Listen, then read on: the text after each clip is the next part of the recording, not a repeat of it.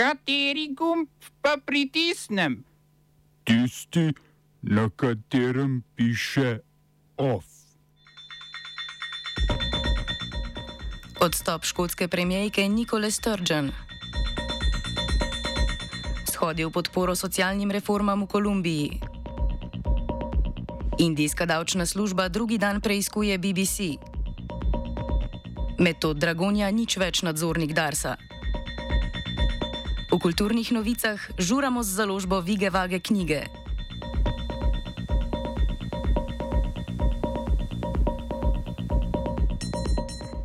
V Kolumbiji so se v večjih mestih začeli množični zbori v podporo ekonomskim in socialnim reformam, ki jih je predlagal predsednik Gustavo Petro. Reforme so del agende predsednika za zmanjševanje revščine in neenakosti v državi. Shodih, katerim je pozval Petro, so se začeli dan potem, ko je v kongresu predstavil zdravstveno reformo, s katero si želi pospešiti dostop do zdravstvene oskrbe in zviča, zvišati plače v zdravstvenem sistemu.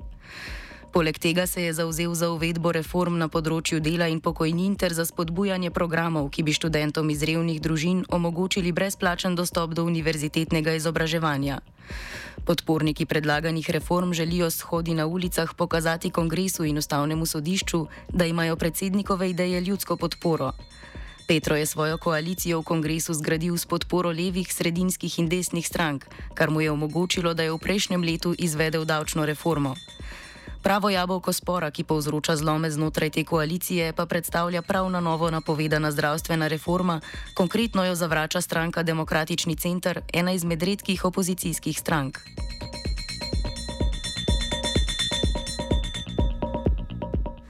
V državah Evropske unije je stopil v veljavo mehanizem za dinamično omejevanje cen zemljskega plina, glede katerega so države članice dogovor dosegle decembra.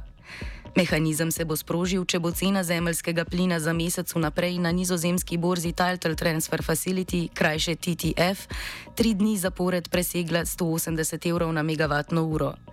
Kot drugi pogoj velja, da bo morala obenem cena tri dni zapored za vsaj 35 evrov presegati cene utekočinjenega zemljskega plina na svetovnih trgih.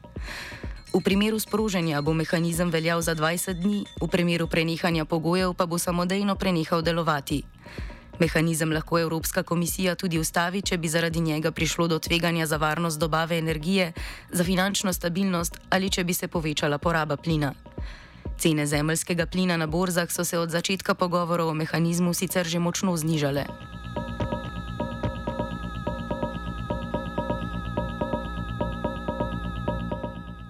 Nemška sindikalna centrala Verdi je za petek napovedala stavke na let letaliških delavcev na letališčih v Münchnu, Stuttgartu, Hamburgu in drugih mestih.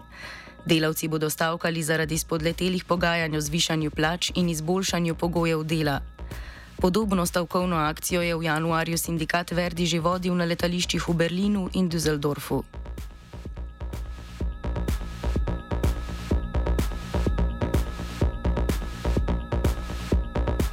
Indijski uslužbenci davčne uprave drugi dan preizkujejo pisarne britanske nacionalne radiotelevizije BBC v New Delhiju in Mumbaju.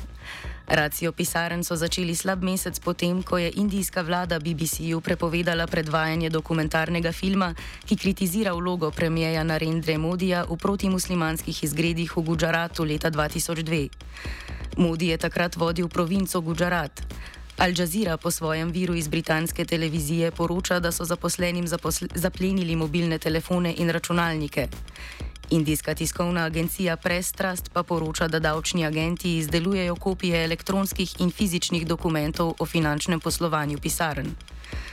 Davčna uprava je kot razloge za preiskave BBC-ja navedla namerno neupoštevanje pravil o transfernih cenah in obs obsežno preusmerjanje dobička.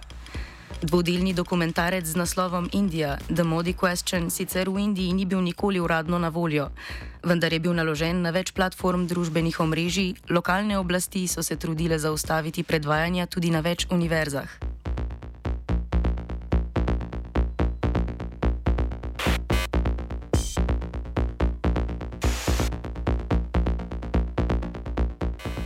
Nikola Sturgeon je po osmih letih odstopila z funkcije škotske premijejke. Razloga za odstop ni navedla, kot je dejala na tiskovni konferenci, pa je o odstopu razmišljala že dlje. Kot pravi, v glavi in srcu ve, da je prišel njen čas. Škotski parlament je konec minulega leta sprejel reformni zakon o priznavanju spola, ki bi transspolnim osebam olajšal pravno priznanje dejanskega spola. Britanska vlada Rišija Sunaka je zakon blokirala, ker bi ta vplival na zakone v ostalih delih Združenega kraljestva.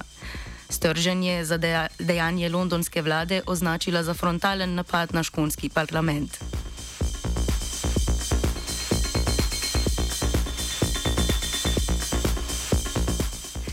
Italijansko sodišče je nekdanjega premijeja Silvija Berlusconija oprostilo podkupovanja prič v zadevi Bunga Bunga. Obtožen je bil, da je 24 gostom svojih zloglasnih zabav plačal, da so krivo pričali na sodnem procesu, na katerem so mu sodili zaradi plačevanja za spolne usluge 17-letni plesavki. Tega je sicer bil oproščen zaradi pomankanja dokazov o tem, da je vedel za starost ženske, ki jo je plačeval. Sodni proces glede podkupovanja je bil razpet med Sijeno, Rimom in Milanom, ker so tam živele priče. V Sijeni in Rimu je bil oproščen že prej, tokratna milanska razsodba pa je bila najodmevnejša od vseh treh. Berlusconi je v preteklosti sicer priznal, da je svojim gostom dajal denar, ampak le kot kompenzacijo za oškodovanje njihovega ugleda. Smo se osamosvojili, nismo se pa osvobodili. Naslednje število je še 500 projektov. Izpiljene modele, kako so se strani nekdanje LDS rotirali. Ko to dvoje zmešamo v pravilno zmes, dobimo zgodbo o uspehu. Takemu političnemu razvoju se reče udar. Jaz to vem, da je nezakonito, ampak kaj nam pa ostane? Brutalni obračun s politično korupcijo. To je Slovenija, tukaj je naša zemlja, to je Slovenija, Slovenija, Slovenija. Civilna inicijativa Melamin mora ven iz mesta in okoljevarstvena organizacija Rovo kočevskemu podjetju Melamin očitata, da namerava razširiti svojo proizvodnjo s pomočjo obvoda okoljevarstvenih dovoljenj. Družba je za svoje delovanje leta 2010 pridobila okoljevarstveno dovoljenje za naprave, ki povzročajo industrijske emisije in okoljevarstveno dovoljenje za obrat.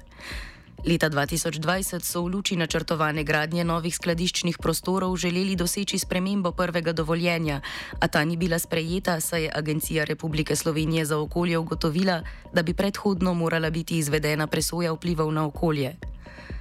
Potrebno dokumentacijo za presojo vplivov je Melamin izdelal, a je zaradi eksplozije v podjetju 12. maja lani niso oddali, zato spremembe niso bile odobrene. Leta 2021 so iz podjetja zaprosili tudi za spremembo drugega dovoljenja, ki je bila odobrena nekaj dni pred eksplozijo, pravnomočna pa je postala štiri dni po njej.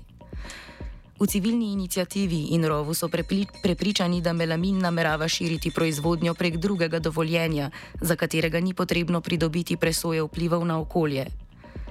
Dovoljenje podjetju dovoljuje tretjinsko širitev skladiščenja nevarnih snovi, podjetje pa naj bi ga po trditvah civilne inicijative izkoristilo za tretjinsko širitev same proizvodnje, med drugim tudi na nekaterih dodatnih zemliščih.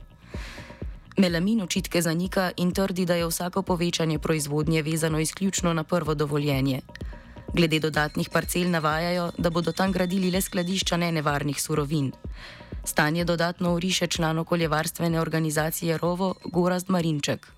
Lete, oni so dobili eh, torej, okoljevarstveno dovoljenje deset dni po nesreči in sicer uh, imajo na 61 parcelah uh, dve dejavnosti. Ena dejavnost pade pod uh, SVS uredbo, to je uredba o preprečevanju velikih nesreč, pa druga pa pod IED. Eh, uredbo. Zdaj, eh, bistvo je, da se vse te dejavnosti med sabo prepletajo, čeprav bi od vsakega, eh, torej vsake točke tehnologije ali pa skladišča različnih snovi morale biti upoštevane varnostne razdalje tudi na vzven do sosednjih hiš, stavb, ne vem, stavb v javni rabi, kot je dom starejših in podobno.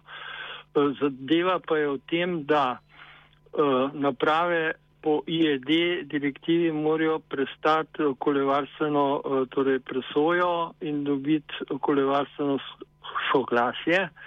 Uh, za SVSO pa jim zgleda tega ni bilo potrebno narediti. No in ker se te naprave med seboj na istem območju preplitajo, eh, pač lahko inšpektor, eh, mislim, se da zelo enostavno uh, narediti obvod med uh, neposredno določenimi zadevami in uh, bistvo pa je, da ni upoštevana možnost uh, torej medsebojnega vpliva oziroma verižnih reakcij, kolikor se na eni zadevi zgodi katastrofa in potem vpliva na ostale sosedne naprave. Dodatne kritike strani civilne inicijative letijo tudi na to, da je ministrstvo podjetju spremenjeno dovoljenje izdalo po lanski nesreči.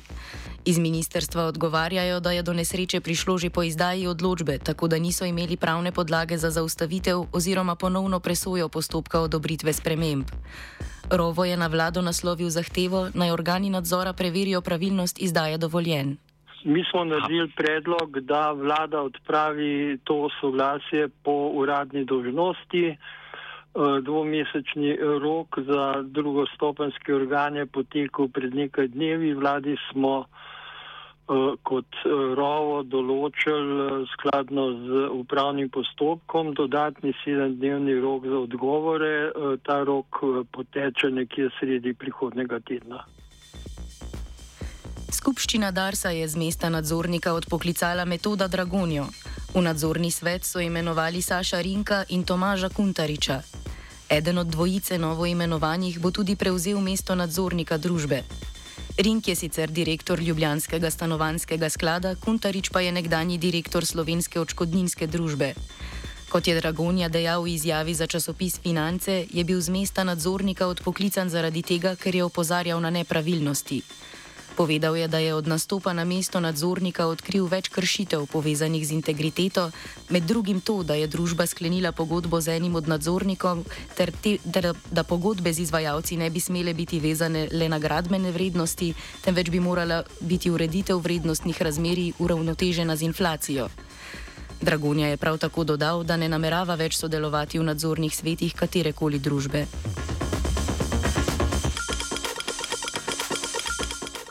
Evropska komisija znova toži Republiko Slovenijo na sodišču Evropske unije, ker država ni v celoti udejanila odločitve sodišča iz julija 2015. Slovenija ni pravno, pravnočasno odstranila nezakonitih odpadkov z nevarnimi snovmi v Buklo v Žlaku na dveh območjih, na katerih je včasih stalo podjetje Cinkarna. Prvo od območij je bilo sicer sanirano, drugo pa ostaja neurejeno. Komisija pričakuje, da bo država sprejela potrebne ukrepe za zaprtje in sanacijo odlagališča v okolici celja, saj območje predstavlja nevarnost za okolje in zdravje ljudi.